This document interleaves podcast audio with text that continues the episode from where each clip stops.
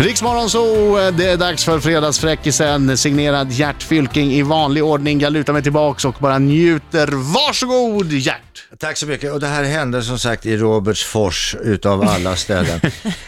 Det var det strävsamma gamla paret eh, och eh, ja, det var ju inte så att viljan saknades men det var ju mera, och inte tillfällena heller faktiskt, utan det var mer att det, det bara inte funkade. Då menar jag gökat och de hade varit hos, hos Dr. Bergström och de hade eh, provat det mesta och han hade skrivit ut piller både rosa och blå och det var och de hade varit fram och tillbaka hos honom och, och de hade försökt allting men det var ingenting som funkade och Dr. Bergström han tyckte, nej men det här måste ju, för han gillar ju det här gamla strävsamma paret så han tänkte, nej det här måste jag försöka ordna till. Så han tänkte och han klura och han slog i böckerna och så kom han fram till att om jag nu tar och, och, och så sa han till, till, till, till mor där att jag sätter upp en stor eh, stålplatta i, i musen på dig här förstår du och så får, får far, han får en jävla kraftig magnet under förhuden så ska vi nog se till att det här kommer att, att lösa sig på något sätt.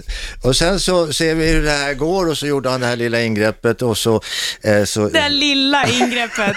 Det minimala ingreppet att få upp, ja. Ja, för, för, ja, och sen så sa han, ja men då är ni välkomna tillbaka om en eh, månad ungefär så. Så kan ni kolla hur det går. Ja, och eh, så, så går det en månad och så, så kommer mor till doktor Bergström och sätter sig ner och, och så frågar doktorn, ja hur, hur det? Oh, det har gått så bra så det var ju, det var ju väldigt, eh, tack så hemskt mycket doktor Bergström. Men, men var har du far någonstans då? Nej men han sitter i fängelse. Va? Sitter han i fängelse? Vad var det som hände?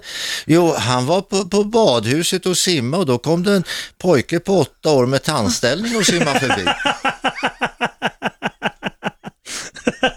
Nej.